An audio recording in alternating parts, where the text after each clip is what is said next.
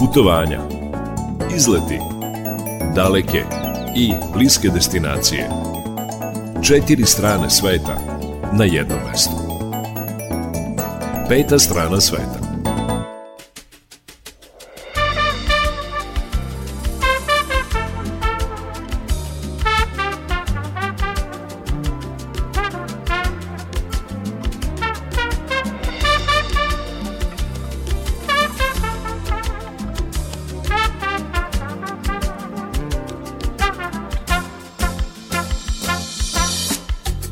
Na početku emisije govorit ćemo o voucherima, zamenskim voucherima. Da li je novac za zamenske vouchere vraćen svim putnicima? Neke turističke agencije su proglasile bankrot, pa se pojavilo pitanje da li će te agencije moći da vrate novac putnicima koji su kod njih uplatili aranžmane. E, to će nam biti tema, da li su te agencije uspele da vrate novac koliko sam saznala od gospodina Seničića, to je u, u, u toku, vraćanje novca tim putnicima je u toku i kako on kaže trebalo bi da svima bude novac vraćen, jedino neće biti vraćen onima koji su zagubili papire u uplati svog aranžmana. O svemu tome detaljnije na početku emisije, odnosno posle izveštaja za Automoto Saveza Srbije i posle meteorološkog izveštaja. Zatim ćemo govoriti o pripremama Zlatibora kao turističke destinacije za letnju sezonu. Nećemo ulaziti u detalje, ali od direktora turističke organizacije Zlatibora Vladimira Živanovića doznaćemo kakav sporazum je potpisan sa turističkom organizacijom Republike Srpske i koje pogodnosti taj sporazum donosi ljudima iz naše zemlje u Republici Srpskoj i onima iz Republike Srpske kod nas konkretno na Zlatiboru. Saznaćete takođe i kako se gostilje kotira u nadmetanju e, za najlepše turističko selo krajem godine trebalo bi da znamo i da li će gostilje dospeti na listu lepih turističkih sela. Potom ćemo govoriti o turističkim turama, odnosno izletima koje možete posetiti ukoliko se nađete na planini koja ima najviše sunčanih sati godišnje kada je reč o planinama u našoj zemlji. Detaljno ćemo govoriti o svim turističkim turama, stoga treba ostati uz Radio Novi Sad. Takođe ćemo govoriti o putovanjima, o impresijama sa putovanja, dakle tu će biti i rubrika ljudi koji putuju. Rita Trivković, moja koleginica iz Radio Novog Sada, koja radi u mađarskoj redakciji, takođe se bavi turizmom, preneće nam svoje utiske i svoja zapažanja iz Južne Amerike. Ona je bila u Boliviji i Peru, pa ćemo tako slušati muziku iz tih krajeva i slušati, kažem, njene impresije. Na samom kraju emisije čućete vesti iz sveta turizma. Muzički urednik biće Srđan Nikolić, majstor tona Damjan Šaš, ja sam Irina Samopjan i volim da kažem na početku emisije neka ovo naše putovanje počne, a ono obično počinje jednom pesmom koja u sebi krije putničke motive. sous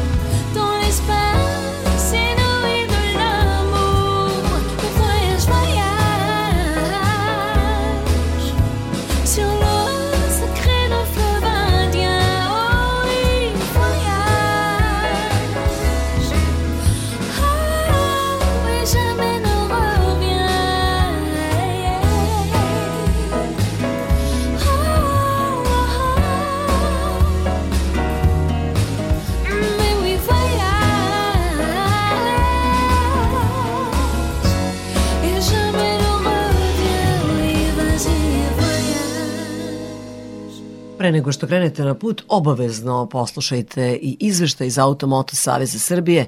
Valja znati kakvo je stanje na putevima. Izveštaj iz Automoto Saveza Srbije. Pozdrav iz Automoto Saveza Srbije. Košava otežava vožnju u Banatu, na području Braničeva i na Đerdapskoj magistrali. Sa prvim popodnevnim satima očekujemo pojačan saobraćaj ka Staroj planini, Divčibarama, Tari i Koponiku. Prema informacijama zimske službe javnog preduzeća putevi Srbije, dobra je prohodnost svih državnih puteva prvog i drugog reda uz podsjećanje vozača da je na putevima u planinskim pedalima Valjeva, Užica, Nove Varoši, Sjenice i Ivanjice obavezna upotreba zimskih guma, dok je na putevima trećeg prioriteta u ovim područjima obavezno korišćenje i uređaja protiv proklizavanja točkova zbog stega na kolovozu i mogućih snežnih nanosa.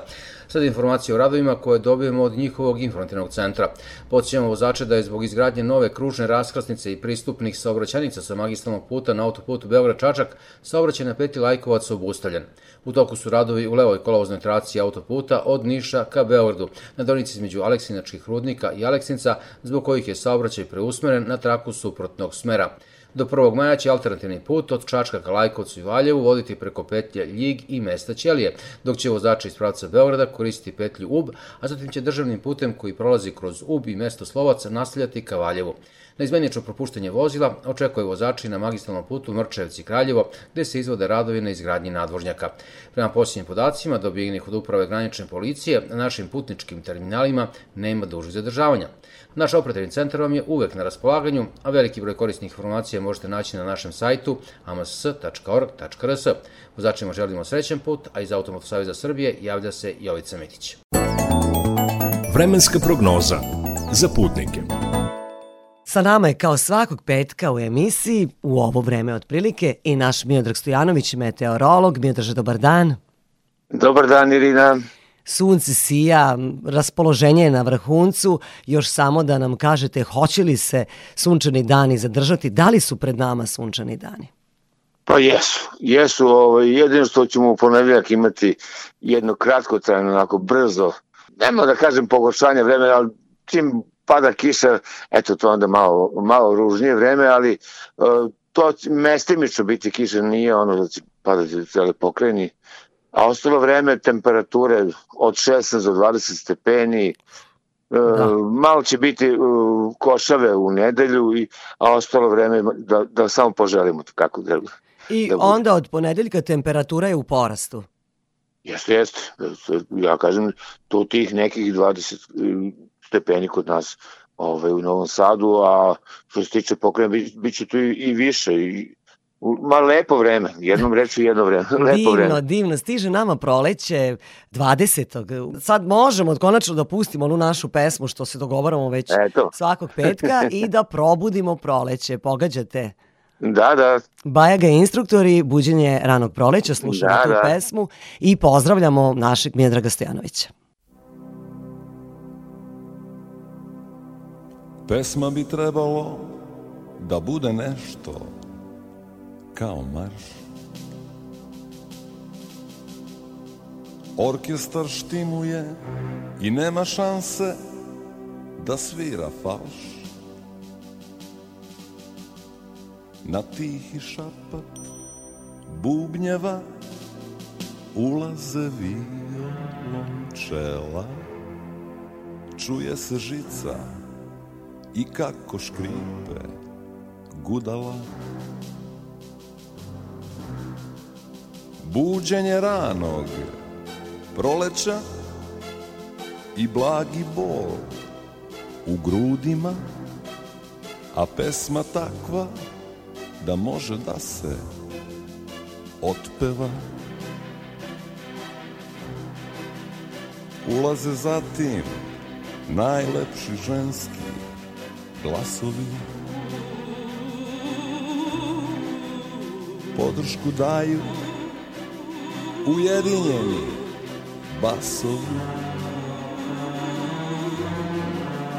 i udar letnjih gromova i kanonada topova kao Čekovski 1812.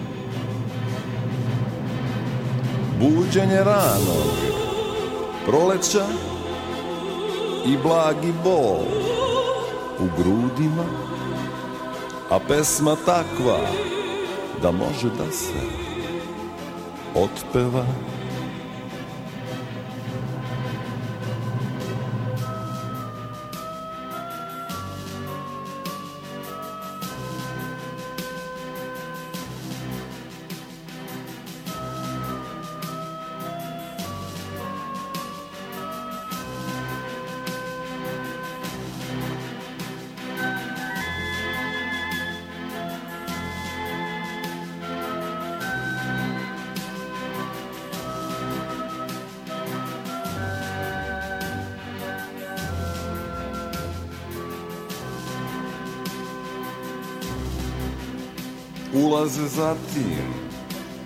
Odlučno muški glasovi.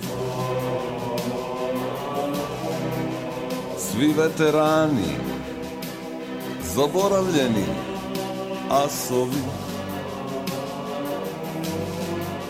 Sa srcem mladog sokola i pesmo mesto cokula miriše zemlja koja je reku rodila. Buđenje rano proleća i blagi bol u grudima a pesma takva da može da se maršira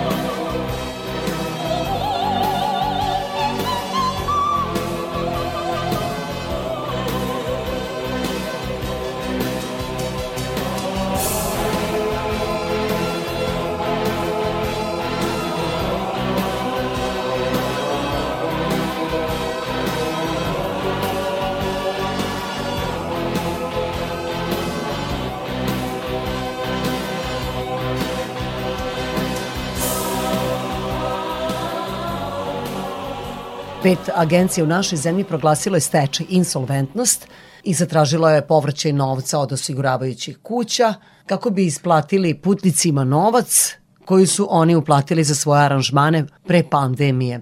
Reč je o putnicima koji nisu iskoristili svoje zamenske vaučere. U nastavku saznaćete da li je njima novac vraćen.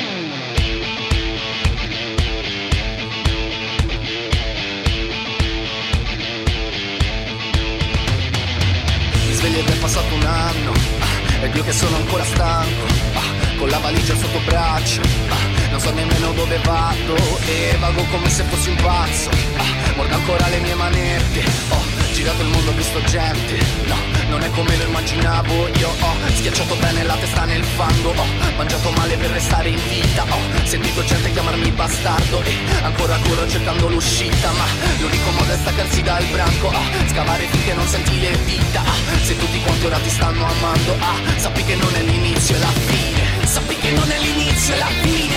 Anche la rosa più bella le spine Forse l'unica risposta è partire O restare a marcire. Sappi che non è l'inizio e la fine Anche la rosa più bella ha le spine. Forse l'unica risposta è partire O restare a marcire. Mi chiedi come ci si sente ah, Avere il mondo fra le mani ah, Come contasse veramente ah, Come se fossimo speciali. E invece ci rimane niente Un pugno di mosche tra le mani ah, Nemmeno tutto l'oro al mondo. Ah, Potrà comprare ciò che lasci. Ah, Mi hanno trattato come un santo Poi giudicato. Guardato male come fossi pregiudicato. Quando ritroveranno il corpo del mio reato Si accorgeranno troppo tardi di aver sbagliato. Però io invece non mi fermo Continuo. Voglio vivere correndo sopra un filo. Il giorno che non avrò più un motivo Saprò che non è l'inizio è la fine. Sappi che non è l'inizio è la fine. Anche la rosa più bella ha le spine. Forse l'unica risposta è partire O restare a marcire Sappi che non è l'inizio e la fine. Anche la rosa più bella ha le spine. Forse l'unica risposta è partire. O restare a marcire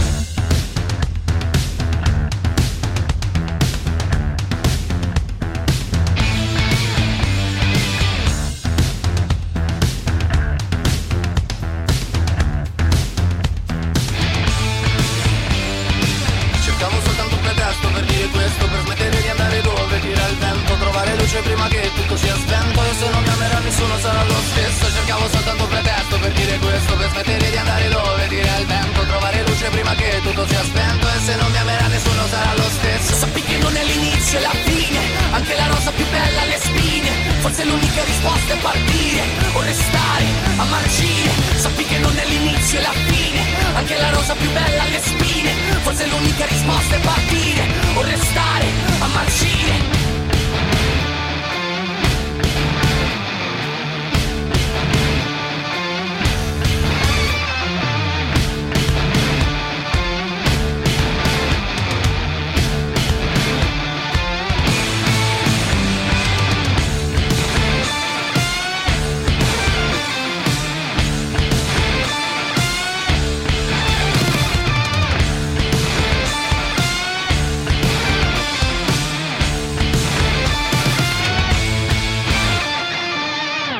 povraćaju novca putnicima koji nisu iskoristili svoja zamenska putovanja. U nastavku emisije razgovaram sa direktorom Jute, odnosno direktorom Nacionalne asocijacije turističkih agencija, Aleksandrom Seničićem. Turistički magazin na Radio Novog Sada. Peta strana sveta. 70 miliona evra bilo je zarobljeno u inostranstvu kod prevoznika i drugih učesnika kada reč o novcu naših ljudi, to, to je novac naših ljudi koji su za vreme korone kupovali aranžmane. Koliko novca je vraćeno? Sad da čujemo koji je epilog čitave te priče, jer do 1. februara je trebalo da im novac bude vraćen svima onima koji nisu iskoristili zamenska putovanja. Malo je to i prolongirano zbog papirologije, e, o tome ste već gospodine Saničiću i govorili u javnosti, ali hajde sad da vidimo kakav je epilog čitave te situacije i čitavog tog procesa. Ajde da krenemo iz početka. Dakle, u pravu ste potpuno, oko 70 miliona eura je bila procena i nekakve informacije koje smo mi imali, koje su zadržale turističke agencije, uslovno rečeno, odnosno njihovi partneri u najvećem broju slučajeva u inostranstvu.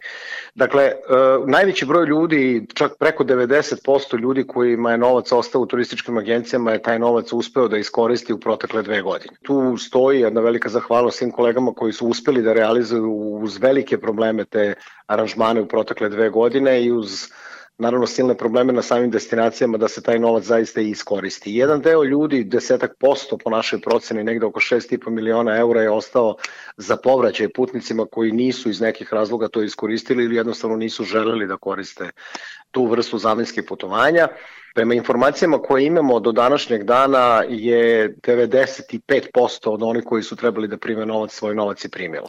Dakle, dakle ta operacija imamo, je uspela, ostale samo 5% oni koji nisu dobili novac za zamenska putovanja. Sada bih yes. ja da vas pitam, postoje uh, dve agencije za koje znam Faros, ona je Beogradska i Kompas, Tako to je Novosadska agencija, to je najstarija turistička agencija u Novom Sadu koja je zatvorena. I jedna i druga agencija su proglasile bankrot i nisu mogli da uh, naplate novac od osiguravajućih kuća kako bi vratile ljudima novac za zamensko putovanje koje nisu iskoristili ti ljudi.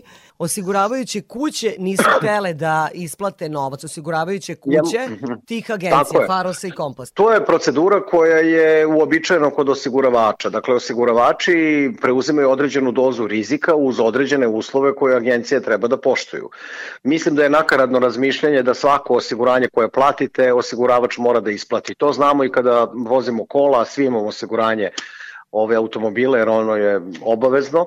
Dakle, ako ste popili malo više i to nije u skladu sa zakonom i napravite sudar, neće vam osiguranje pokriti štetu, jer ste, niste ispunili osnovni uslova, to je da budete trezni kad vozite. Dakle, situacija je bila slična i sa uh, agencijama. Osiguravači su izrazili sumnju u način na koji su oni proglasili stečaj ili bankrot i vodio se taj postupak u okviru osiguravajuće kuće. Putnici su se žalili po našoj preporuci Narodnoj banci kao regulatoru osiguranja u, u, u zemlji. Utvrđeno je kroz taj proces da nije bilo nekih velikih odstupanja od uobičajenih poslovnih procesa i da je kriza, u stvari COVID kriza izazvala stečaj ne samo tih, nego još 11 agencija u Srbiji i koliko je meni poznato, isplate su krenule i kad je reč o Kompasu i kad je reč o Farosu, pre nekih mesec dana su osiguravači na osnovu spiska i dokumentacije koje su putnici dostavljali započeli isplatu obeštećenja putnicima. Ja konkretno je to završeno za kompas, sada? Je to završeno? Nije još do kraja završen proces, ima dosta veliki je broj putnika, osiguravači imaju malo i tehničkih problema, ne mogu u jednom danu ili u 10 dana da isplate par hiljada putnika, ali svakako je taj proces započeo. Narodna banka kontroliše taj proces od početka do kraja i svi oni koji u slučaju da ih niko nije kontaktirao, da uh, imaju neki problem kod ili da eventualno osiguravači prave problem oko o, bilo kakve procedure, dakle dokumenta koje su predali, mogu i dalje da se obraćaju Narodnoj banci kad je reč o, o toj proceduri, ali ja sam čvrsto uveren da će jedne i, jedni i drugi putnici, jedne i druge agencije biti isplaćeni u potpunosti, obzirom da osigurana suma tih agencija pokriva otprilike gubita koji je bio iskazan. Tako da ne verujem da će tu biti većih problema, to i, i pričali smo prošle godine da će to biti procedura koja će sigurno malo trajati, Tako upravo je. zbog provere osiguravača i pritom sa druge strane moramo da imamo razumevanje i za to da osiguravači objektivno zakonski nisu imali nikakav osnov da isplate to pre 1. februara, jer 1. februara isteko rok za zamenska putovanja. Dakle, to što je neko proglasio stečaj prošle godine ne znači da umeđu vremenu nije mogao da dođe do nekih sredstava i da nastavi da radi. Dakle, osiguravači su morali da budu sigurni da će te firme prestati sa radom, dakle da nemaju mogućnost da, da ostvare bilo kakav prihod, jer tu postoje dugovanja prema tim agencijama od strane stranih partnera. Dakle, Kompas konkretno je prebacio novac u Grčku, taj novac nije mogao da vrati, jer su partneri to odbili iz raznih razloga, verovatno zato što su novac potrošili i Kompas je samim tim ušao u problem insolventnosti, dakle više nisu imali dovoljno novca da isplate putnike. To je bio razlog njihovog stečaja. Vrlo slična je situacija i sa Farosem bila, tako da u tom kontekstu negde trebalo je utvrditi sve te činjenice da bi osiguravači preuzeli obavezu isplate šteta. I oni su to, koliko ja kažem, znam, i, a mislim da sam dosta dobro informisan, počela je isplata, jedan dobar deo putnika i jedne i druge agencije već dobio svoj novac, a očekujemo da negde do kraja ovog meseca svi oni koji su podneli zahteve sa regularnom dokumentacijom budu isplaćeni. I ne samo za te agencije, nego postoje još tri agencije koje su bile u sličnoj proceduri i te procedure su započete za svih pet agencija prema koje su, koje, koje su to još tri agencije, pošto slušaju slušalci nas, jel, svuda, u celoj zemlji? Tako je, dakle jedna od agencija je Holiday Yes, iz Beograda, druga agencija je Mitos Travel iz Beograda i ta treća agencija o kojoj je reč je agencija iz Niša, setit ću se kako se zove, nije naša članica, ali mislim da se zove MM Tours ili tako nekako, evo malo ostajem Dobro. ovaj, obzirom da nije bilo u članstvu naše asocijacije, ali u svakom slučaju, dakle, najveći broj tih agencija i ne samo ovih, nego i koje su do sada isplaćene je prouzrokovalo njihovo propadanje, propadanje one čuvene velike agencije iz Grčke Muzenidis Travel, koje u stvari preuzela novac od naših agencija i tu isto imamo veliki broj agencija koje rade na tržištu i koje su ostale bez značajnih suma novca, ali su uspeli da taj problem prevaziđu, međutim ove agencije to nisu mogle i iz tog razloga su upale u taj finansijski problem. Ali kažem, i za ove tri agencije koje sam pomenuo takođe je započet postupak isplate šteta i to je ono što je dobro u ovoj celoj situaciji da sistem koji imamo i koji je zakonom predviđeno ipak će se pokazati kao sistem koji u ovom trenutku nije loš jer smo imali primere u zapadnoj Evropi da jedan veliki broj agencija koji je propao osiguravači nisu isplatili štetu pozivajući se na uh, samu pandemiju kao razlog da se ta šteta ne isplati, odnosno da je u pitanju viša sila koju oni ne prihvataju. Tako da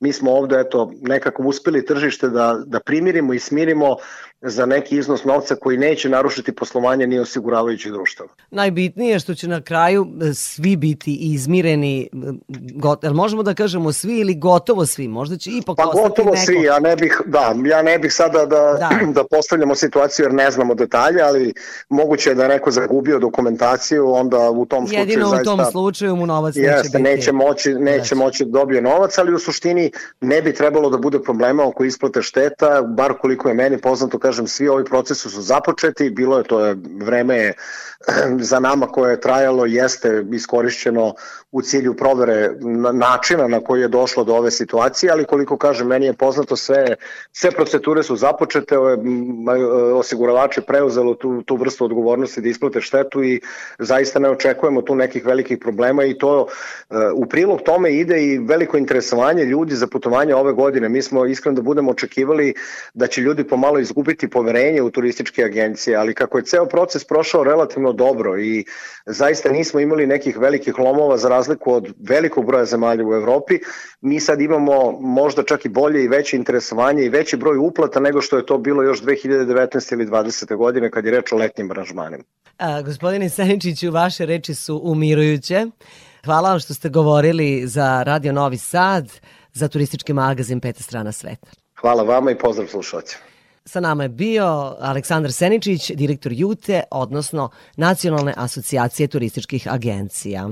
Can I have my money back, money back, money back? Can I have my money back, please, sir? Don't hear what you're saying, don't what you're doing. Can I have my money back, money back, money back? Can I have my money back, please, sir? Went to the movies and the movie broke down. On the screen was going round and round. I spent all I had getting in to see the show. So I walked up to the man and I said I'd like to go. Can I have my money back, money back, money back? Can I have my money back, please, sir? I don't what you're don't what you're. Can I have my money back, money back, money back? Can I have my money back, please, sir? I heard a preacher man say his way was the best, so I took up his religion and forgot about the rest. Just the same. Can I have my money back, money back, money back? Can I have my money back, please, sir? I don't hear what you're saying, don't hear what you're doing. Can I have my money back, money back, money back? Can I have my money back, please, sir? Listen to the lies of the politician man, saying that we live in a democratic land. One for the rich, another for the poor. And if you try to change it, they'll nail you to the floor.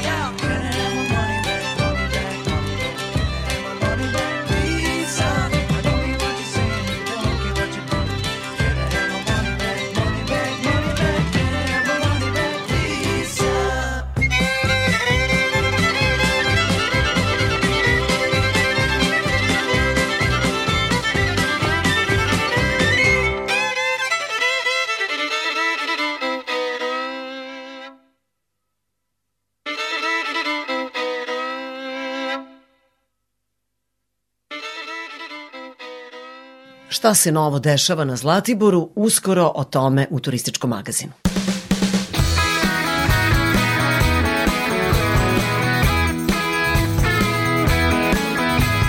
Tell me that you've got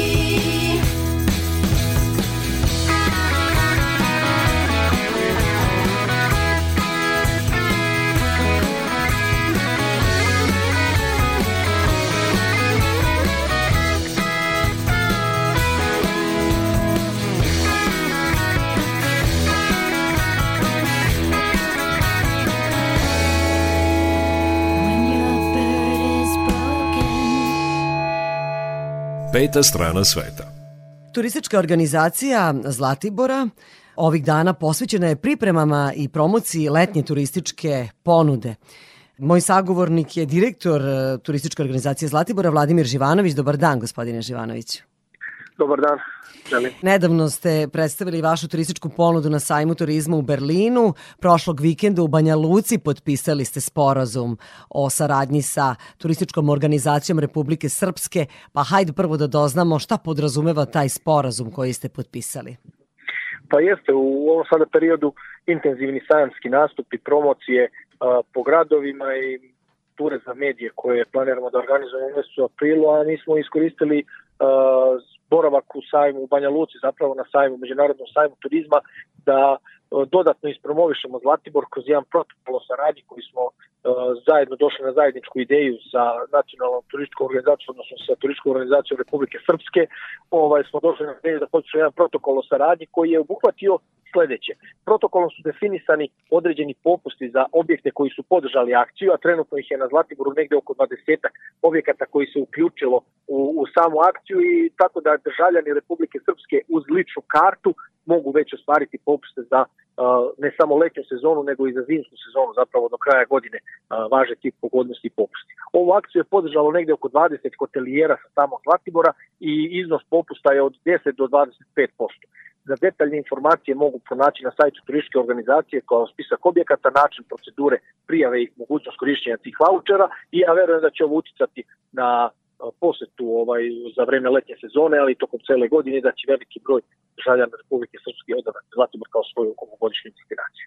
Jel imate neke podatke koliko građana iz Republike Srpske dolazi na našu najzlatniju, najslunčaniju planinu? Pa statistički gledano gosti iz e, Republike Srpske su na drugom mestu po broju stranih turista koji posećuju Zlatibor, negde godišnje njih bude između 20 i 25 hiljada, ali to je na nivou cele godine i generalno je to dosta teško izmeriti na samoj destinaciji. Mi pratimo analizu kretanja u registrovanim turističkim objektima na samom Zlatiboru i shodno tome procenat posete iz Republike Srpske raste iz sezone u sezonu, što nas posebno raduje. Na putu smo da se oporavi da bude približno, to je rekord na 2019. godini, ja verujem da će u ovoj godini ćemo dostići taj rezultat i da ćemo ga oboriti i prestići, da će zapravo veći broj državljana Republike Srpske boraviti na Zlatiboru. Do kada traje zimska sezona na Zlatiboru? Pa zimska sezona je pri kraju. Snega ima sve manje i manje. Skijanje na centru Tornik je već ovih dana otežano zbog visoke temperature i pluseva koji su, koji su na snazi snega na u naseljenom mestu Zlatibor gotovo da nema, tako da je zimska sezona zaista onako pri kraju. Sada nas očekuju u, u ubrzani radovi na sređivanju pripremi destinacije za letnju sezonu. Ide redovno čišćenje pranje ulica, uređenje zelenih površina, nekih kreiranje nekih novih sadržaja, koncerta, polako se pripremamo i u tom manifestacijnom turizmu da našim turistima koji se odluče da posjeti Zlatibor ovoga leta to bude onako skockano na destinaciji, sadržajno, zabavno, interesantno. I ja verujem da će ovo na Zlatiboru biti jedna uspešna letnja sezona, obzirom da pogledamo kako je bila posjećenost na za vreme novogodišnjih praznika, za vreme zimske sezone, sretenja i nekim pikovima koje su imali to ovaj zime.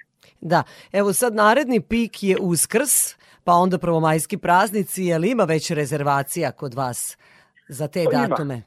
Ima, ima rezervacija, ima interesovanja. Zlatibor je odavno već poznat pogotovo kao iz- le, lepo odredište za prvomajske praznike, tako će biti i ovog 1. maja, mi smo to gotovo sigurni da će se tražiti krevet više, a približavaju nam se i uskršnji praznici i verujem ako bude bilo lepo vreme i vremenske prilike kako treba da će Zlatibor zaista biti ovaj pun za vreme tih a, praznika, a mi očekujemo a, negde na Zlatiboru do 30-35 hiljada posetilaca dnevno za vreme ovih praznika. E, To je gotovo postala uobičajena brojka, gospodine Živanoviću. A znali se ko će na Kraljevom trgu nastupati za 1. maj? Pa mi u principu vidjet ćemo uh, i do sada na, smo se trudili da iznenadimo goste nekim koncertom ove godine uh, planiramo, vidjet ćemo sa kim ćemo uspjeti da dogovorimo za vreme 1. maja, ali sigurno će biti ovaj neki koncert kako bi upotpunio tu svečarsku atmosferu Da. koja će sigurno vladati za vreme tih provanskih praznika. Ne- Nekoliko izvođača i u opticaju pa ćemo se odlučiti za naj najboljeg ovaj po, po, i, naj- ko- za koje vlada zapravo najveće interesovanje u strani naših posjetitelja. Uglavnom bit će neko poznato ime. E Da, sad, da, da, e, da, gospodine Živanoviću, moram da vas pitam šta se dešava u vezi sa gostiljem. Prošle godine Mokra Gora ušla je na listu e, najlepših turističkih sela, a gostilje nadamo se da će ove godine ući na tu listu. Pa kako se Pa, sada mi- kotira? Da, mi se iskreno nadamo da hoće. Zaista je puno rada, energije i truda uloženo u odnosu na prošlu godinu. Lokalitet smo dodatno valorizovali, sredili, uredili po uh, nekim listama i zajedno sa našim partnerima iz uh, Svetske turističke organizacije po njihovim preporukama zapravo sledili smo instrukcije i upustva. Dodatno smo sredili i valorizovali sam lokalitet, uredili neke stvari koje nisu uh, ispunjavale dovoljno uslova za prošlu godinu, tako da smo zaista u najužem krugu favorita za ovu godinu. Ja verujem da će to Laskovo priznanje ove godine biti dodeljeno i gostiju selu koje zaista to zaslužuje jer je živo 365 dana u godini. Veliki broj meštana mladih stanovnika se odlučilo i živi u tom selu Gostilja i veliki broj turista zbog prirodnih atrakcija ga i sezono Šuđan posećuju. Tako je, posebno zbog vodopada gostinskog i ta priroda oko vodopada izgleda kao e, iz bajke neke, još samo vile fale da se nađu u tom čitavom ambijentu. E, Kada će se znati e, da li će gostilje ući na listu najlepših turističkih sela?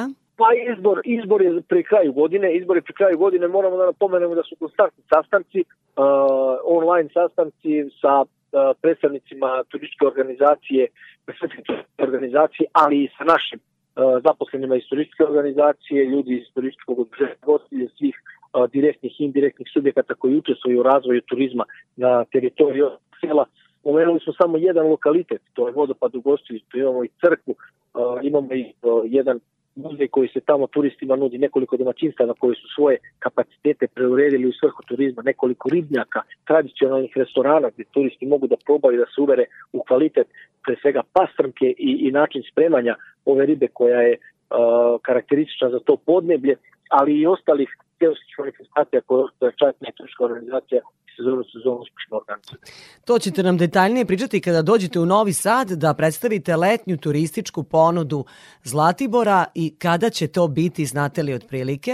Pa mi ćemo iskoristiti ove aktivnosti. Mislim da ćemo vas pozvati red da vas ugostimo kod nas na destinaciji, dobit ćete pozivno pismo za jednu novinarsku medijsku turu koju pla- planiramo da organizujemo početkom aprila, odnosno već krajem aprila, u drugoj polovini aprila, početkom maja, pred samu letnju sezonu, da se na licu mesta uverite u svim o, u sve ove stvari o kojima razgovaramo, tako da je red da vas ugostimo ovde kod nas na Zlatiboru, da probate naše tradicionalne specialitete, zdravu hranu, da uživamo zajedno na svežem vazduhu, da se provozamo gondolom koja je naj, najznačajnija turistička atrakcija još uvek ovaj, kod nas na Zlatiboru i da se uverimo u sve ove prirodne lepote iz prvog ugla i na licu mesta.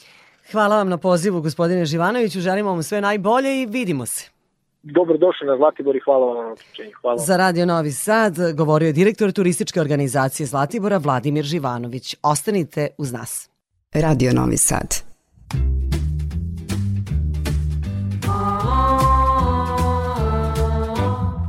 Zlatibore, mili moj, šaljem pesmu za tvoj cvet, ti si moja planina, samo tebe srce zna, zlatni bore za sve nas, u daljine šalji glas, da nas čekaš puno sna, ti i jela zanosna, volim te kad zlatiš listom, Volim te kad šalješ smeh narcisom, volim ti pod snegom gore i kišom kad pevaš Zlatibore, Zlatibore, Zlatibore, mili moj. Skoro krećem na tvoj put, ti si moja planina, samo tebe srce zna. Volim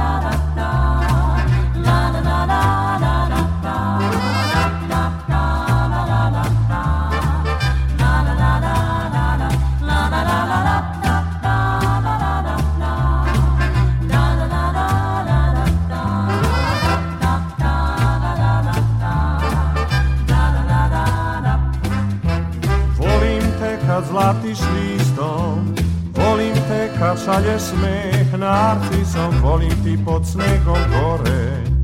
I kišom kad pevaš Zlatibore, Zlatibore, Zlatibore, mili moj. Skoro krećem na tvoj put, ti si moja planina, samo tebe srce zna. Voli samo Zlatibor,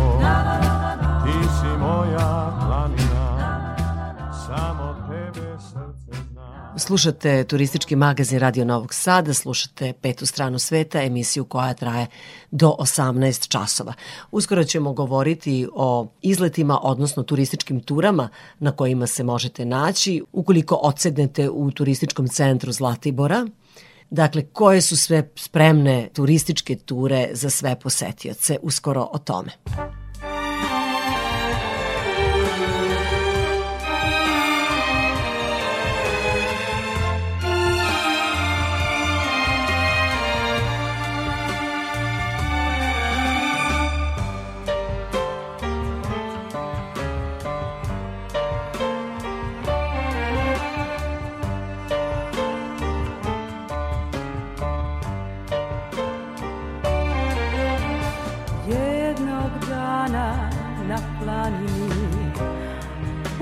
Leto Jesen žuta donese svoj svet.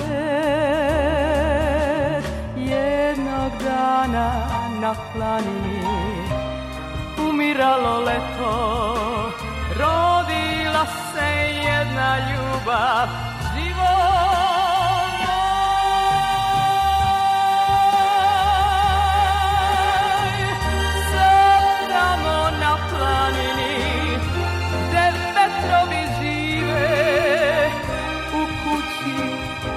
nikog nema ruke gde su bile.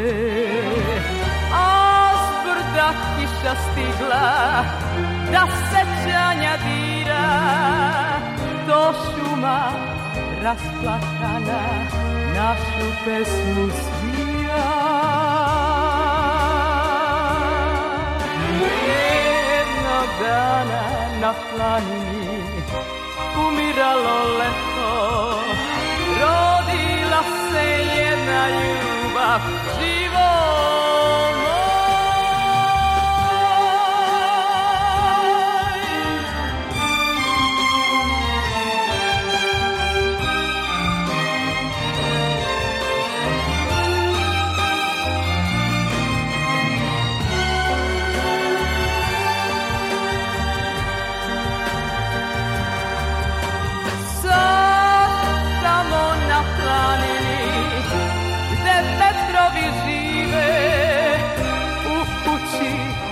nikog nema ruke gde su bile.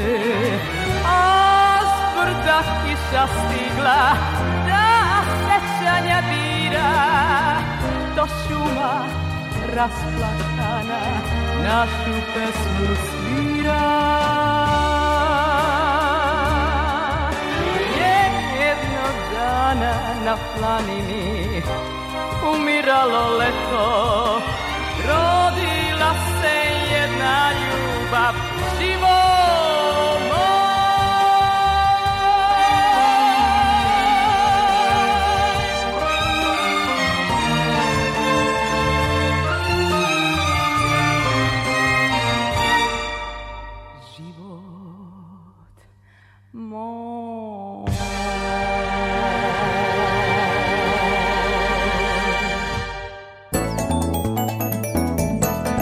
Destinacije. Ukoliko neko dođe u turistički centar Zlatibora, e, ako dođete autobusom, niste došli nekim organizovanim prevozom ili niste došli privatnim automobilom, a želite da vidite i nešto izvan tog turističkog centra Zlatibora, onda su tu turističke agencije da se pobrinu za vas i za vaš dobar provod e, i za to da doznate kakvih sve prirodnih znamenitosti ovde ima. A evo ja razgovaram sa vlasnikom Trendy Travel agencije. Ivan Radović, drago mi je što ste tu kod nas. Ovaj, Ima nekoliko turističkih agencija koje organizuju izlete. E, Ja sam odabrala vašu agenciju prvo i prvo zato što radite, imate najduže radno vreme i e, sa vama se nekako lako dogovoriti. Ne zatvarate pre pet, ne zatvarate ni u četiri, nego radite čak do 21 čas, što je dobro zato što turisti posebno cirkulišu ovim centrom u večernjim časovima.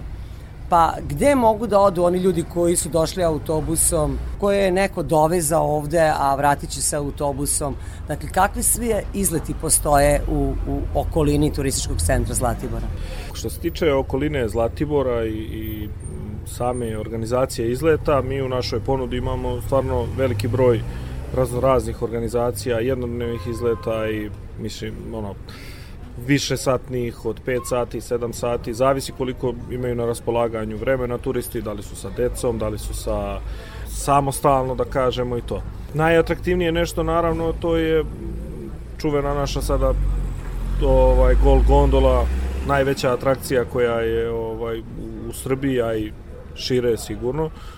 Tako da to je jako veliko interesovanje za nju. Ali to je u centru, U centru, Zlatibora i naravno, nema ali mi- potrebe da... naravno, nema A i vi, potrebe, vi nema vodite potrebe. ljude do Gold Gondole. Tako je. i Ako mi- neko to traži. Tako je, kada dođu grupe recimo neke organizovane na Zlatibor pa su im potrebne usluge turističkog vodiča ili neke druge pomoći, naravno mi smo tu, vodimo ih i na gondolu i, i ovaj, na raznorazne izlete, ali eto, pored toga svega najatraktivniji izleti su recimo do Stopića pećine, čuvenog starog sela Sirogojno, gostinski vodopadi, El Paso City na, na Vodicama, tako da se to sve u okviru jedne te ture može, može za jedan obići. dan To je obiđemo. za jedan dan i to je neki izlet koji kod nas traje u našoj organizaciji od 10 sati ujutru, nije ni previše rano, nije ni previše kasno i do nekih pola pet, pet mi budemo tu na, na Zlatiboru. I šta oni koji su zainteresovani dobijaju u okviru te ture? Da li ima i neki predah za ručak koji, Apsolutno. koji ulazi u, u cenu? Apsolutno, apsolutno imamo. e, Gledali smo da, da ovaj, na sve na sve mislimo. A to je recimo, znači oni prvo obiđu na nekih pola sata vožnje od Zlatibora, obiće se Stopića pećina, posle toga odlazi se do Sirogojna, tu se obiđe muzej Staro selo Sirogojno i tu turisti dobiju ovaj ono slobodno vreme koje mogu iskoristiti kafa, ručak, neka poslastica, šetnja čak, šta god. Nakon toga odlazimo ka gostilju, obiđu se gostinski vodopadi, e, predviđeni taj neki pravi ovaj, ručak i pauza za ručak je u etno kompleksu Boškova voda u Ljubišu, gde mi prolazimo kada se vraćamo sa te ture, znači od gostilja ka Zlatiboru i to je stvarno jedan prelepi restoran i o, ambijent sam restorana i kompleksa. E, tu je predviđena pauza za ručak. Sada taj ručak nije u, u, organizovan u ceni, to je našo iz razloga što malo je nezgodno jer mi kada objavimo izlete turisti se prijavljuju, svako bira ko će da ide na izlet. Mi skupljamo grupu, nije već organizovana grupa. I onda je nezgodno da mi ograničimo šta će ko jesti. I Jeste, samim ima i tim- ljudi koji imaju Tako neke je. potrebe, neko je diabetičar, neko ima visok pritisak. Neko i neće, ima neko hoće da ponese, pa da bude mu kao i neki piknik u prirodi i tako to.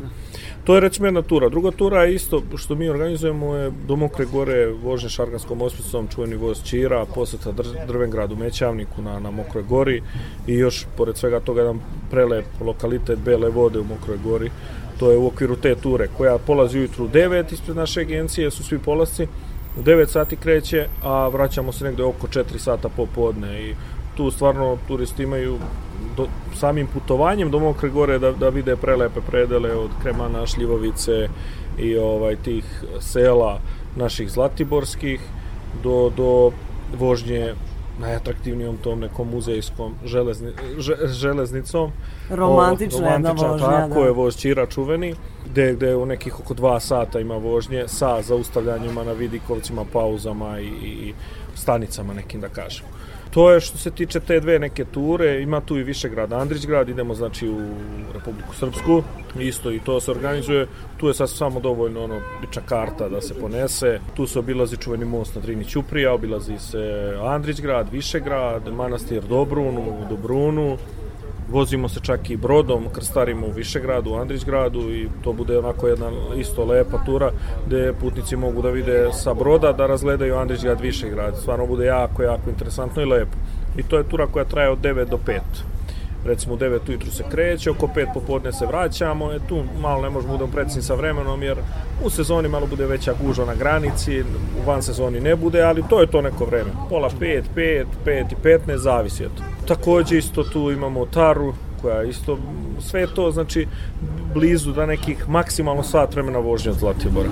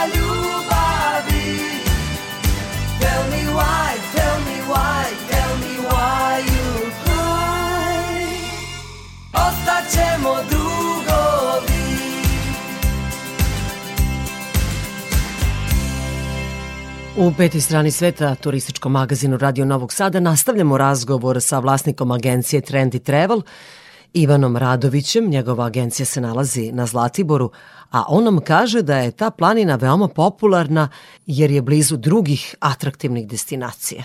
Peta strana sveta. Mi smo recimo za sat vremena vožnje na Mitrovcu na Tari. Pa posle od Mitrovca imamo nekih desetak minuta vožnje do Zavinskog jezera. Pa posle se spustimo dole ka Drini. Pre nekih 15 dana je otvoren jedan prelep Vidikovac koji je na samom potezu ka, od Mitrovca ka Perućcu, zeleni ka Vidikovac, sa koga se pruža prelep pogled na Drinu, jezero Perućac. Zatim obilazimo u okviru tog izleta reku Godinu, to je najkraća reka u Evropi, 365 metara duga Da, ona je kratka, do ušća. ali je široka. Ali široka. Da. I onako ima dosta slapova i taj deo gde ona izvire je prelep, čitav njen tok, a te se uliva u drinu, to je stvarno nešto nestvarno, ono, mislim, to čovjek mora da vidi svojim očima da bi, da bi shvatio o čemu se priča. Priroda na delu. Tako je. I kućica na Drini isto nam je tu čuvena, tu, tu nam je predviđena pauza za ručak, znači u jednom restoranu, dve lipe restoran, znači stvarno svi naši partneri na, na, na, u okviru izleta su provereni, znači restorani. Odabrali smo tačno one najbolje i gledali smo i sa te, proverene. Pa tako je, provereni i sa naše strane, mislim, svi su sa naše strane provereni, jer mi svojim putnicima to garantujemo kvalitet, kako izleta, tako i tih nekih naših partnerskih usluga koje pružaju naši partneri, da kažem. Eto, a, a, jel ima još tura, jel imate još? Pa ima tura, sadržaja? sada možemo pričati ovaj, čitav imate dan. i nekih individualnih, ako, neko, ako dođe, na primjer, neki par. Evo ja ću vam ukratko sada. Mi, mi kako radimo te neke grupne polaske koje mi ovaj raspišemo pa skupljamo grupu. U principu mi svaki dan po dve, tri ture minimum imamo, a u sezoni imamo i više. Ima i dosta nekih, kako smo mi to nazvali, ovaj, avantura izleta. To su neki na vodi kajak ture, rafting ture, paragliding, e, biciklističke ture pravimo, pešačke ture pravimo, vožnje džipovima, jahanje konja. Znači, apsolutno svako ko dođe na Zlatibor može u našoj agenciji da pronađe sigurno nešto odgovarajuće. A pored svega toga, znači mogu da se naprave zatvorene privatne ture, što često putnici isto traže, dođe porodica njih dvoje sa decom, nebitno, znači jedna osoba, dve. Grupa prijatelja, Tako je. da. Gde mi tu na licu mesta sa njima formiramo izlet. Šta mora ih da zanima, da, Tako je, pitate šta ih i- zanima i onda možemo da uključimo dve, tri ture neke. A zaboravio sam pomenuti tu isto jedna od najatraktivnijih isto ovaj e, lokacija je Uvački meandri. To je nešto stvarno isto, isto, što bi se reklo dar prirode.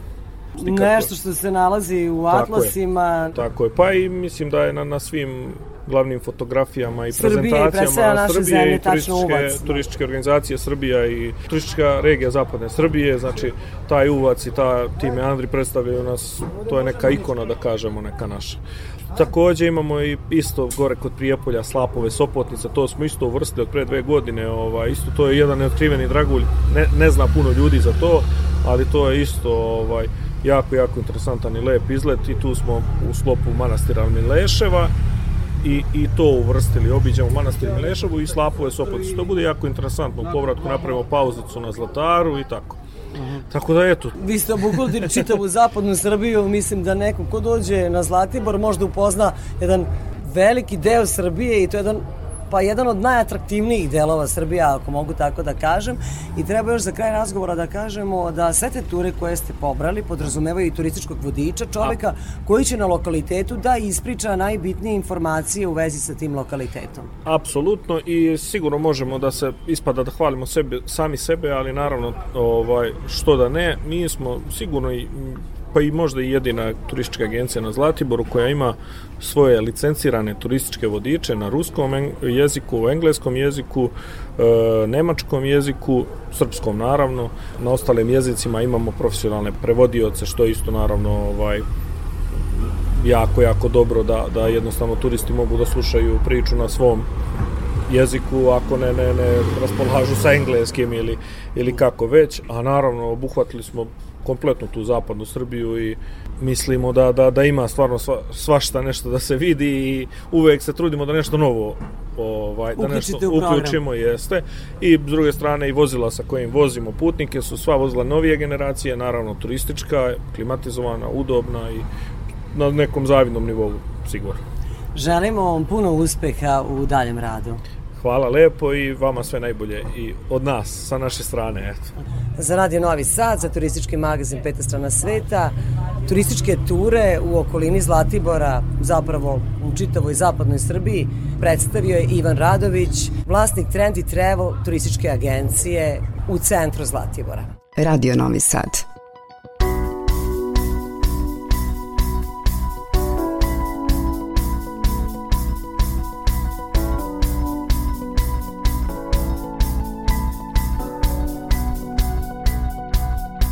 Kad sam upozne Godine zašao. Ja sam pravu ljubav Konačno pronašao. Pa mi 65-a Sad nije smak sveta. Zbog tebe sam i mator Opet gladijator Kaži mi da krenem, idem bilo kuda. Sagradit ću novi sedam svetski čuda. Ti si meni zemlja, vatra, vazduh i voda. Ti si moja ljubav, robstvo i sloboda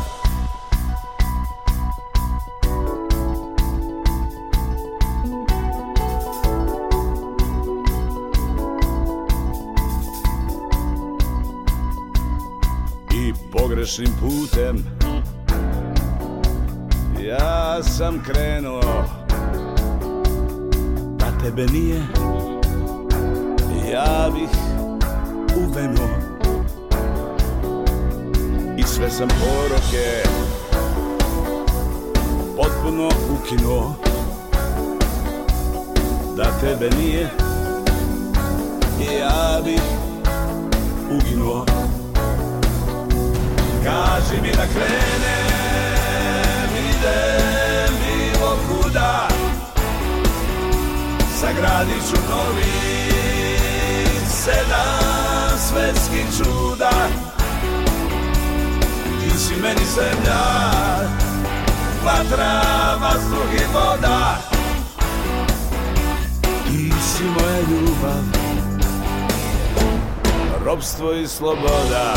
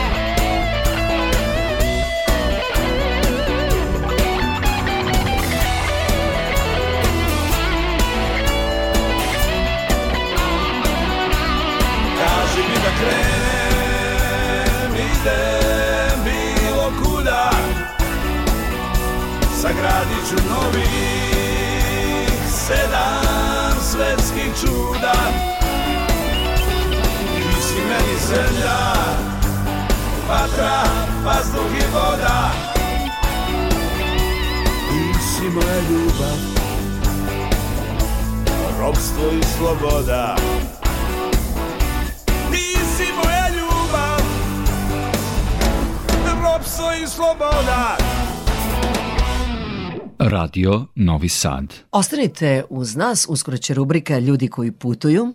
Vodimo vas u Južnu Ameriku, u neke države Južne Amerike.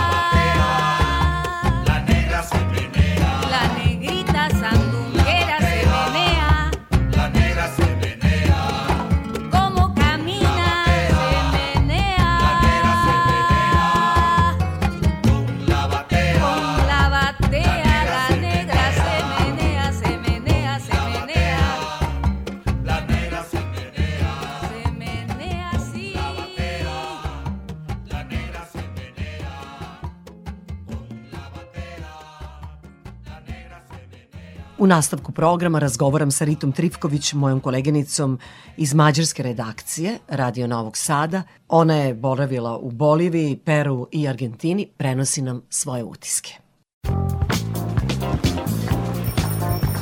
Ljudi koji putuju. Ljudi koji putuju.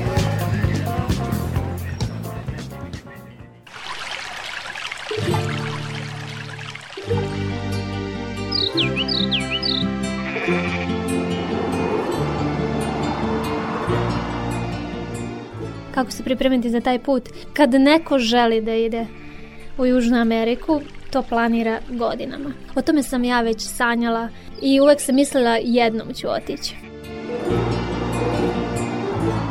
Dalek je to put i skup je put. To je tačno, znači ovo putovanje je- je jedno od najtežih putovanja što se tiče i fizičke spremnosti, jer prvo zbog e, nadmorske visine, jer smo mi odmah već drugi dan leteli na 3300 metara i to je već nekima predstavlja veliki problem. Recimo ja sam prvo veče pala u nesvest, zato što je tamo e, ima manje kiselnika u vazduhu i naročito oni koji imaju ni- nizak pritisak to osete.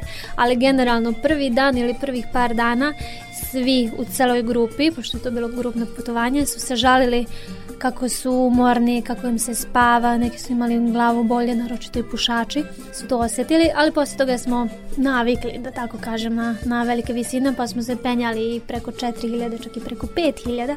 Najveći vrh gde smo se popili, to je bilo 5430 metara, na koji sam posebno ponosna, jer izuzetno je bilo teško stići do tamo. A gde je to bilo?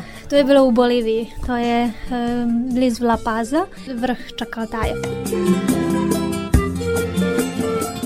Ja sam želela da idem zbog Bolivije, da vidim eh, Salar de Uyuni, čuvenu slanu pustinju, koja je već čuo o tome, ima sliku ispred sebe da je to pustinja na više desetina kilometara sve belo i kad pada kiša, onda na toj slanoj zemlji se stvara efekat ogledala. I bukvalno ne može da se odredi dokle je nebo i odakle je...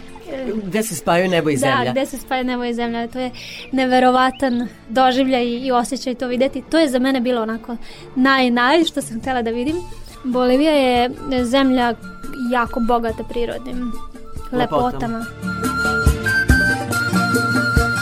Bili smo i na jezeru Titicaca, što je najveće, najviše jezero na svetu, skoro na 4000, mislim da na 3800 metara nadmorske visine. Ogromno jezero, ima više ostravceta na tom jezeru i tu smo e, bili na ostrvo Sunca i onda smo išli u La Paz.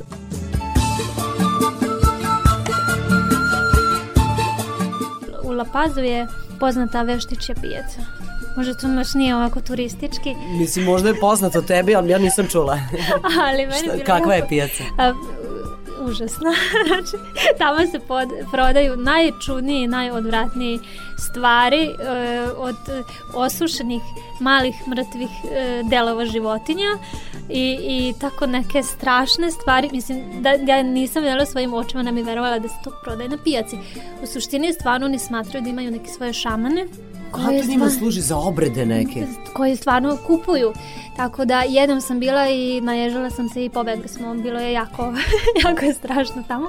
Ali kad smo stigli, ne znam koji je bio praznik, ali svake godine, taj jedan dan, oni izlaze u podne i kupuju e, sitne minijature. Minijature onih stvarčica koji žele da, da se ostvari. Tipa ako neko hoće da kupuje kuću, onda kupuje minijature kuće. Ako hoće auto, onda kupit će auto. Ili ne znam, obično su prodavali paketiće dolare i pare i, i čak i neki su ovaj, bile bebe u kolicima, e, pasoši. Znači, kome god šta treba, to će da kupi i onda nosi kod njihovih šamana. Oni pričaju neku molitvu i tu zapale nešto ovaj, jako mirišljivo se zapali i onda tako u tom dimu oni e, blagoslove to, pa onda kaže da će da se ostvari. Jer Bolivija je izuzetno Sujeverna zemlja.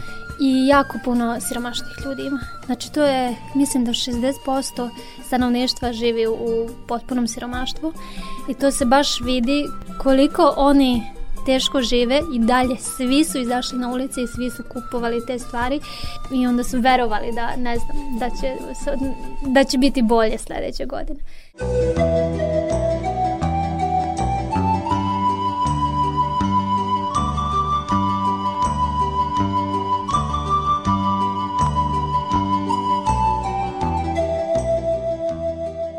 Ja sam mislila da će ti najfascinantniji biti Peru zbog Machu Picchua, zbog uh, te građevine Inka. 1300. godine je sagrađena, a otkrivena je tek 1911. To je jedan od novih svetskih čuda kad već neku Peru mora to da vidi.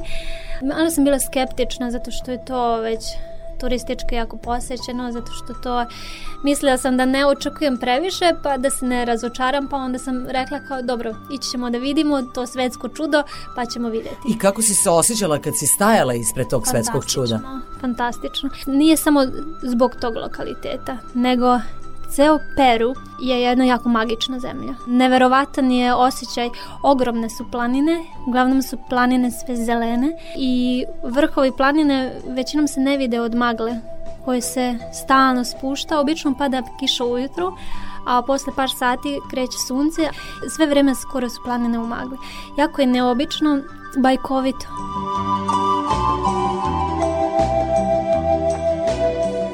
Čovek kao da je u nekom drugom svetu, kao da je u Jurassic Parku. E, taj, taj osjećaj smo imali kad smo putovali, pošto da bi došli do, uopšte do Machu Picchu. Mi moramo doći do jednog mesta koje se zove Aquas Calientes, u prevodu topli izvori, a do tog mesta se dolazi vozom. To je taj čuveni Inka voz, jako je modern, ima i prozore i, i gore na, na krovu i sa strane i sve jako čisto i uredno i bukvalno kako taj vozić ide kroz onih planina pored rečice. Krivuda. Da, krivuda i već, već tu i nema civilizacije, samo kroz prirodu i tu već smo se šalili u grupi kako, kako ovaj, kao da idemo kroz Jurassic Park. Onako čekali smo dinosaurusa da iskoče i onda smo stigli do tog malog mesta. U suštini to je polazna tačka za turiste.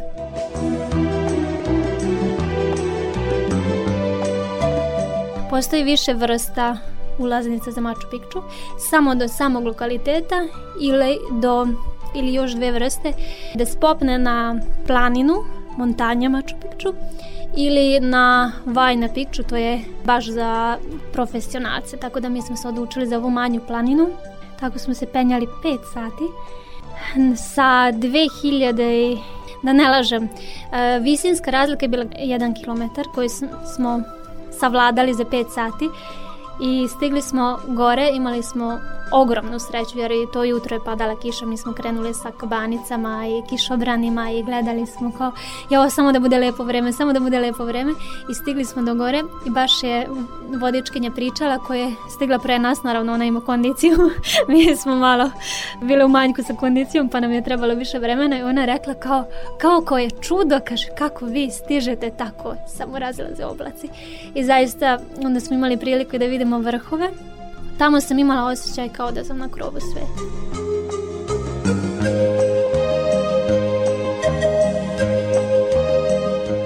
Ti zeleni vrhovi, planine, oblaci, to je nešto ovaj, fantastično. I naravno, dole vidimo Machu Picchu. I onda smo se spustili do samog lokaliteta. Prvo smo samo razbacali stvari i legli u, u travi, ovako gledali Machu Picchu i onda smo tu ovaj, ručali sendviče koje smo poneli sa sobom, jer tamo nema ništa, nema ni restorana, ni kafića, ništa.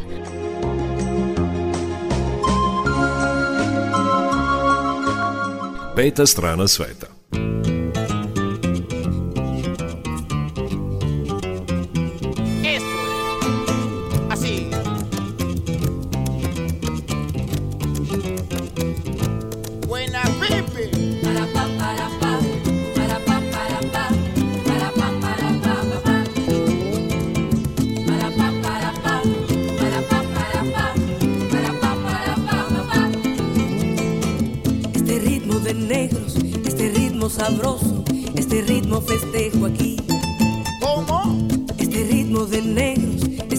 sabroso este ritmo festejo aquí.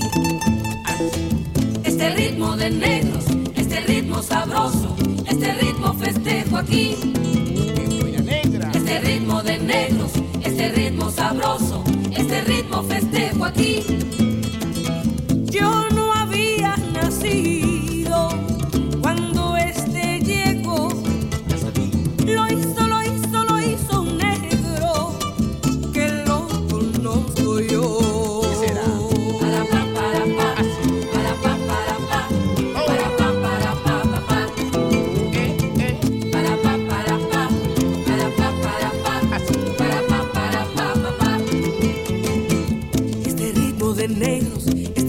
sabroso, este ritmo festejo aquí. Así. Este ritmo de negros, este ritmo sabroso, este ritmo festejo aquí. Este ritmo de negros, este ritmo sabroso, este ritmo festejo aquí. Este ritmo de negros, este ritmo sabroso, este ritmo festejo aquí.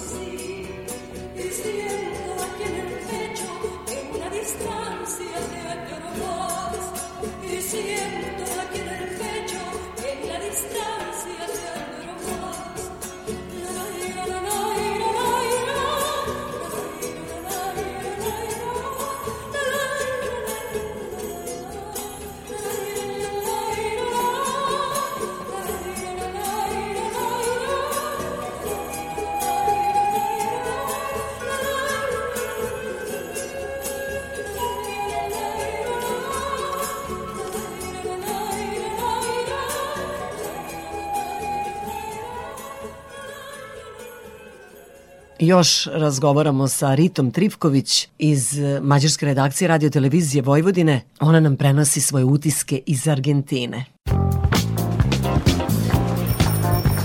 Ljudi koji putuju. Ljudi koji putuju.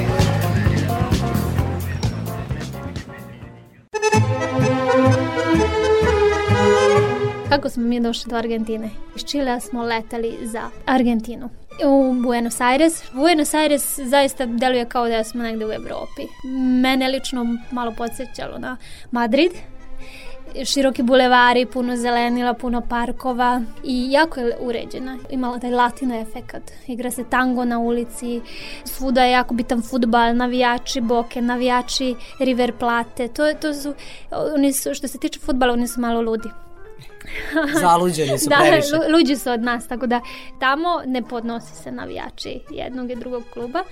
Hrana, biftek, mislim u celoj Južnoj Americi. Ja, ja se nisam hranila lepše i bolje nego, nego tamo.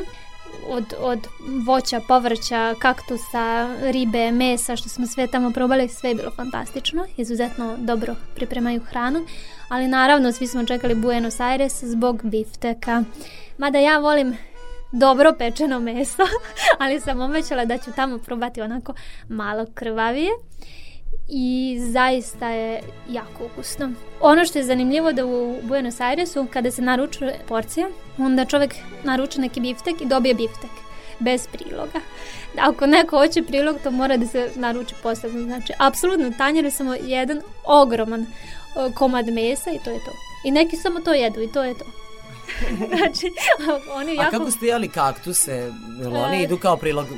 Ne, to, to se prodaje na ulici. Plod od kaktuse, to se... I nisam ni znala da je kaktus, nego vidim da ljudi...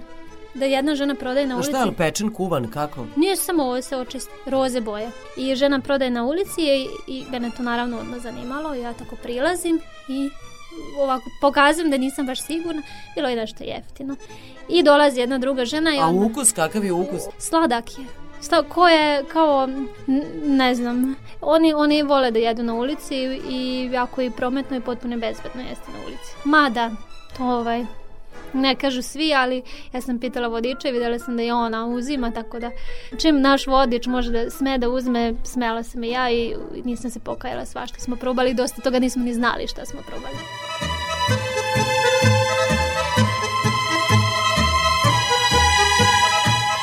Kakvi su ljudi bili u Argentini?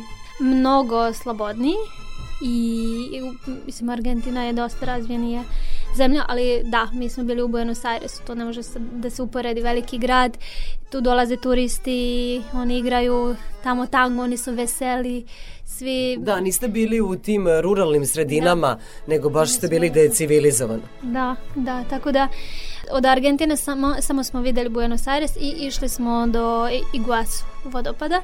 Opet smo leteli avionom i tamo su bili jako ljubazni. I taksisti i oni na ulazu i zaista su nam puno pomogli i dali savet.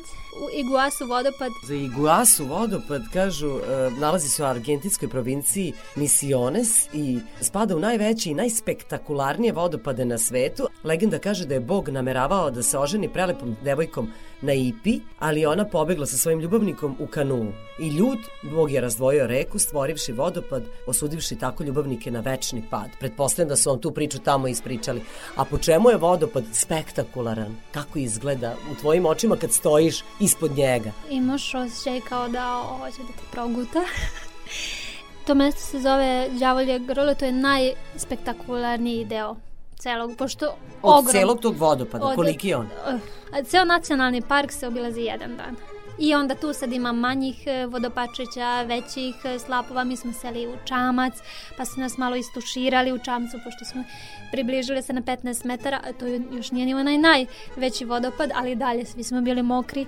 I onda smo došli do ovog e, mesta, to je taj đavoljev grlo, re- otprilike recimo u prevodu, a do tog mesta... Devil's Throat. Devil's Throat, da.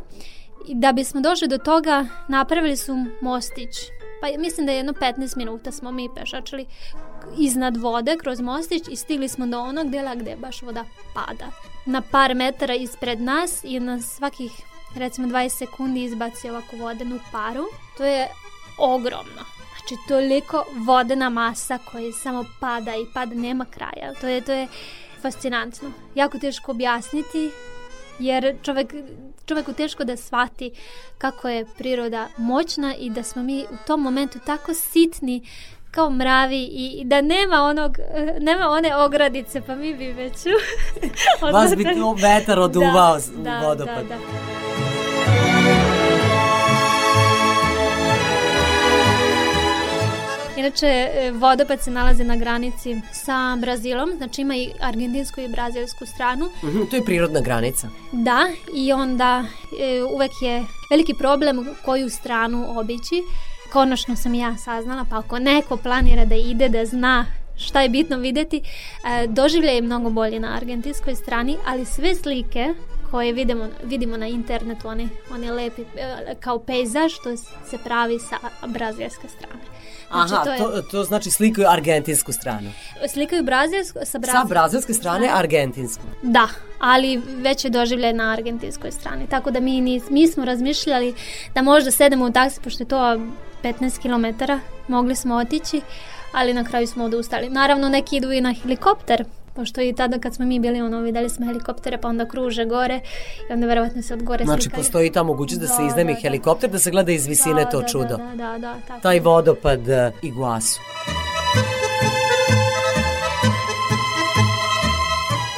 Evita Peron uh, je bila mnogo poštovana u Argentini. Jeste možda bili na njenom grobu. Kakva je danas situacija? Ali se i dalje klanjaju njenom liku i delu? Ja mislim da i dan danas e, jako poštuju Evitu ili Eva Peron, jer na onom glavnom bulevaru, to je bulevar 9. jula, na, U Buenos Airesu. u Buenos Airesu, na, mislim da je na tom bulevaru najveća građevina i tu se nalazi njen lik iscrtan. Znači, na jas- Ogromno je. Ogromno je na jasno vidljivom mestu i ja kažem mužu mi moramo otići da vi- vidimo ovaj, njeno grobno mesto u, u groblje Rekoleta i on rekao nećemo valjda posjetiti groblje u Buenos Airesu I ja da sam rekla moramo i mi otišli do tamo ogromno je groblje. Pa ne znam, ču, čudno je zato što bilo je dosta ljudi, naravno ako čovjek prati masu doći će do groba Evite Peron, jer u suštini svako dođe da bi to video. Ništa tako spektakularno, mislim, obično grobno mesto, bilo je cveće položeno koji I kažu... bilo je svežeg cveća. Da, kažu po da tome uvek- se onda vidi da je poštuju još. Kažu, kažu da uvek uvek e, ima cveće na, ne, na njenom grobu, ali ono što je zanimljivo to je groblje bogatih ljudi, jer to nisu obične kripte, nego su skoro mini vile. Celo groblje izgleda tako sa kipovima, sa stepeništama, sa stubovima, sa raznim ukrasima. Mislim, to je tako, tako čudno što oni su tu sahranjeni u takvom raskošu, a toliko ljudi žive u siromaštvu. Mislim, pošto i u Buenos Aires ima svoje favele. Favele su mesto gde žive najsiromašniji ljudi i to Kako izgledaju te favele? izgledaju kao nabacane kućice. Kao, mislim, ako sklopljene. Jako čudno, ne izgleda to kao kuća, nego izgleda kao da o, samo daske nekako stavljene i, i sve je jedan ogroman kompleks, u suštini niko ne sme tome da se približi. I mi smo samo videli zato što to nalazi pored puta koji vodi na aerodrom, pa nam je taksista pokazao ko, evo tamo su vam favele, pa onda smo mi virili kroz prozore. Da, opasno je tamo, je li tako? Da.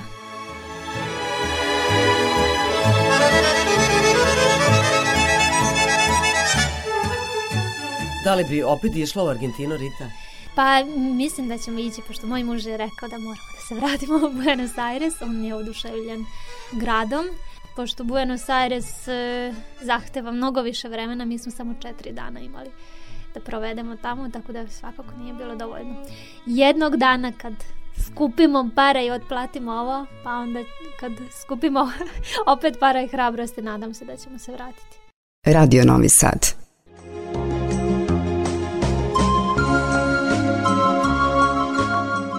Rita, hvala ti što si podelila svoje impresije sa puta iz Južne Amerike. To je četvrti kontinent po veličini u svetu. Nama nedostižan, nadamo se da ćemo i mi svojim očima i čulima i videti i osetiti ono što si ti doživjela. Bila je to Rita Tripković, koleginica iz mađarske redakcije, nedavno se vratila sa putovanja iz Južne Amerike.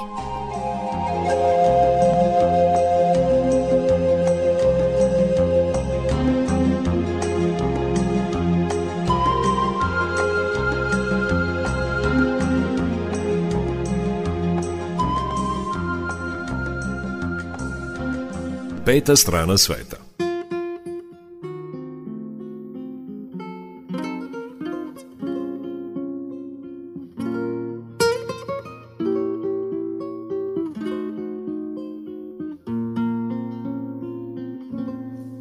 Gracias a la vida que me ha dado tanto, me dio dos luceros que cuando los abro, perfecto distingo lo negro del blanco y en el alto cielo su fondo estrellado y en las multitudes el hombre que yo amo.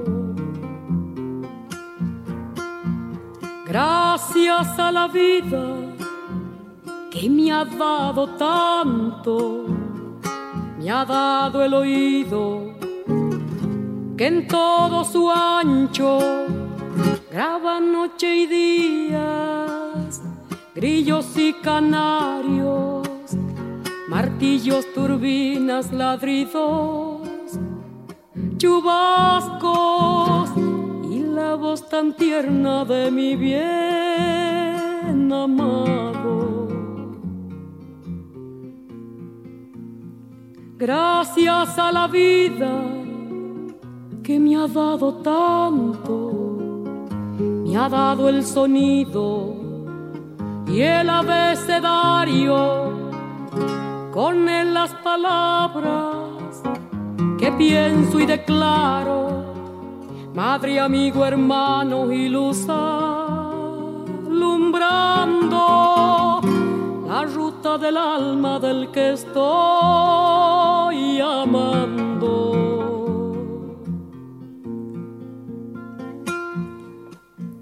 Gracias a la vida que me ha dado tanto, me ha dado la marcha de mis pies cansados, con ellos anduve ciudades y charcos, playas y desiertos, montañas y llanos, y la casa tuya, tu calle y tu patio.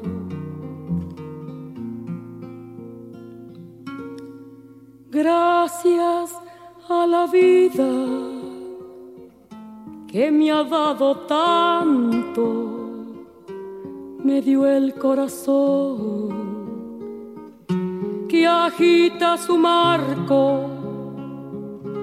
Cuando miro el fruto del cerebro humano Cuando miro el bueno tan lejos del malo, cuando miro el fondo de tus ojos claros. Gracias a la vida que me ha dado tanto, me ha dado la risa y me ha dado el llanto. Así yo distingo dicha de quebranto, los dos materiales que forman mi canto y el canto de ustedes que es el mismo canto y el canto de todos que es mi propio canto. Gracias a la vida.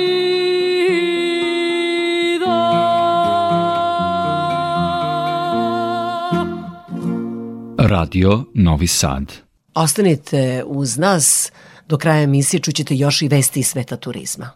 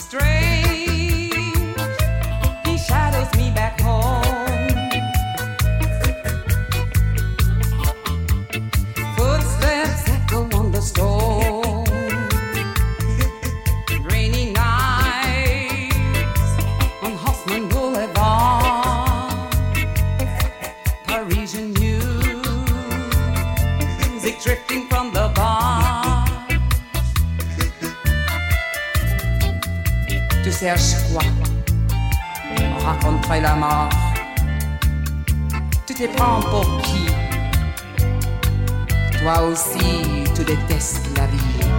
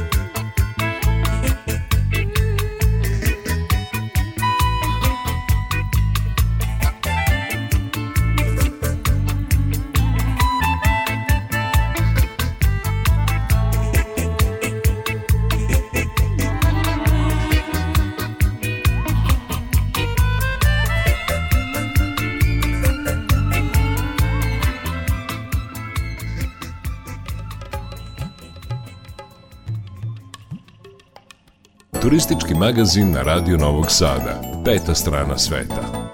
Evo i vesti iz sveta turizma.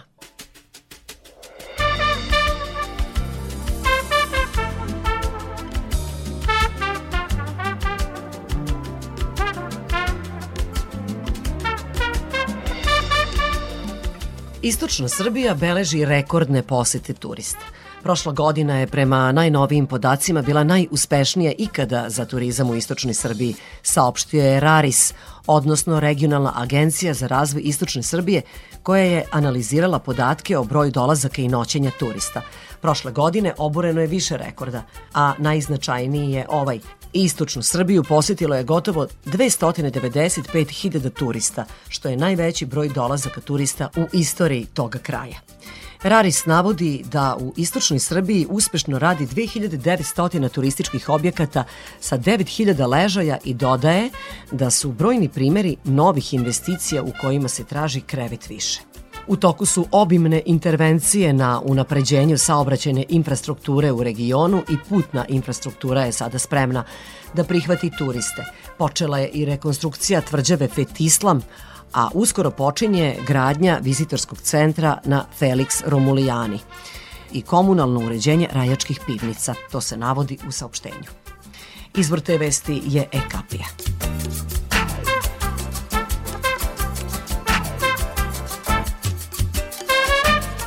Narednu vest e, našla sam na sajtu Avioportal.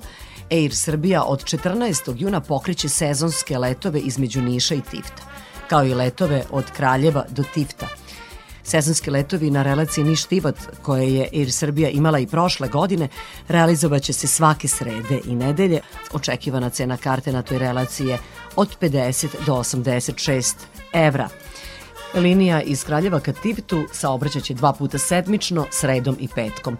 U zavisnosti od tarife, karta na tom letu može iznositi od 33 do 65 evra. Ove sedmice saznali smo i to da je Air Srbija uspostavila novu redovnu liniju između Beograda i Budimbešte.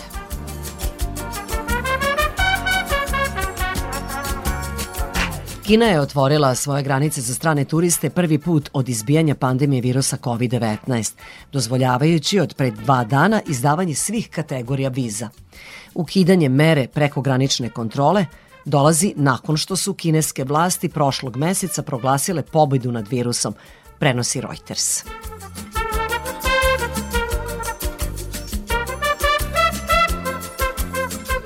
I za kraj evo jedne zanimljivosti. Šta se dešava sa novčićima koje turisti bacaju u čuvenu fontanu u Rimu? Izvor te vesti je B92. Ako ste nekada posetili Rim, sigurno ste bacili novčić u čuvenu fontanu di Trevi, baš kao što to čine hiljade turista dnevno.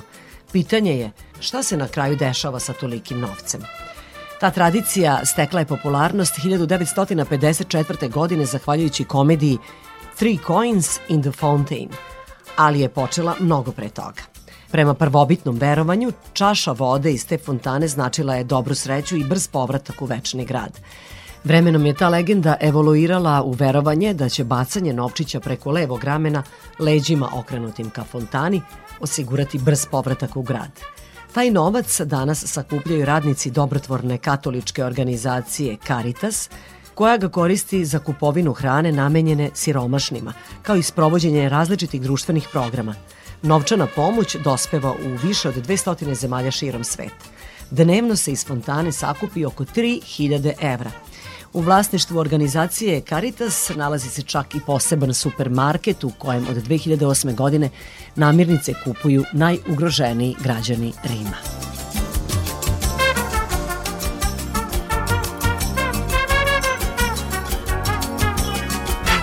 Bilo je to sve poštovani slušalci što smo vam pripremili u ovom izdanju turističkog magazina Peta strana sveta. U 18 časova su naše najnovije vesti, a potom i naša najstarija muzička emisija Randevu sa muzikom, koju petkom uređuje i vodi Nikola Glavinić. Do naredne emisije pozdravljaju vas muzički urednik Srđan Nikolić, majstor tona Damjan Šaš, ja sam Irina Samopjan i želim vam srećan put.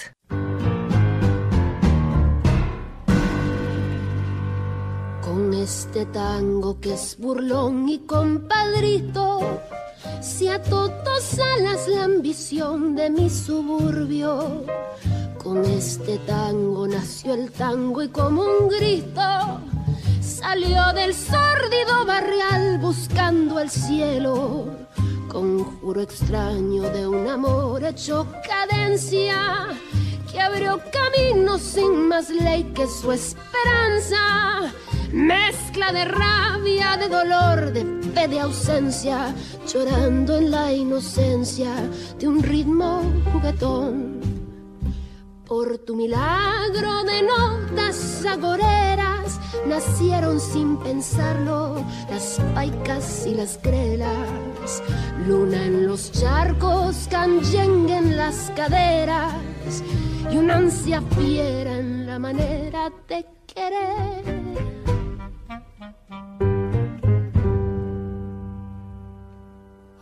Touch your lips and all at once the sparks go flying. Those devil lips that know so well the art of lying. And though I see the danger still, the flame grows higher. I know I must surrender to your kiss of fire. Just like a torch, you set the soul within me burning. I must go on, I'm on this road of no returning. And though it burns me and it turns me into ashes, my whole world crashes without your kiss of fire.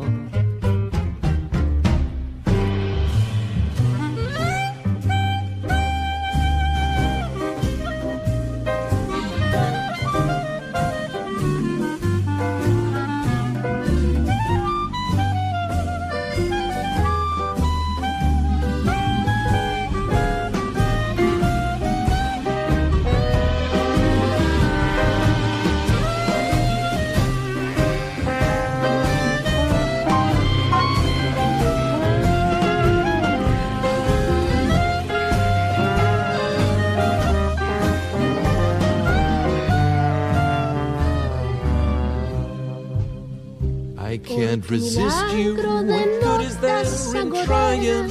What good is there in denying? You're all that I desire. Since first I kissed you, my heart was yours completely.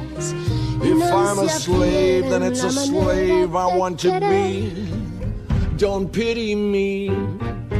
Don't pity me. Your lips, the lips you only let me borrow. Love me tonight and let the devil take tomorrow. I know that I must have your kiss, although it dooms me, consumes me. The kiss of fire.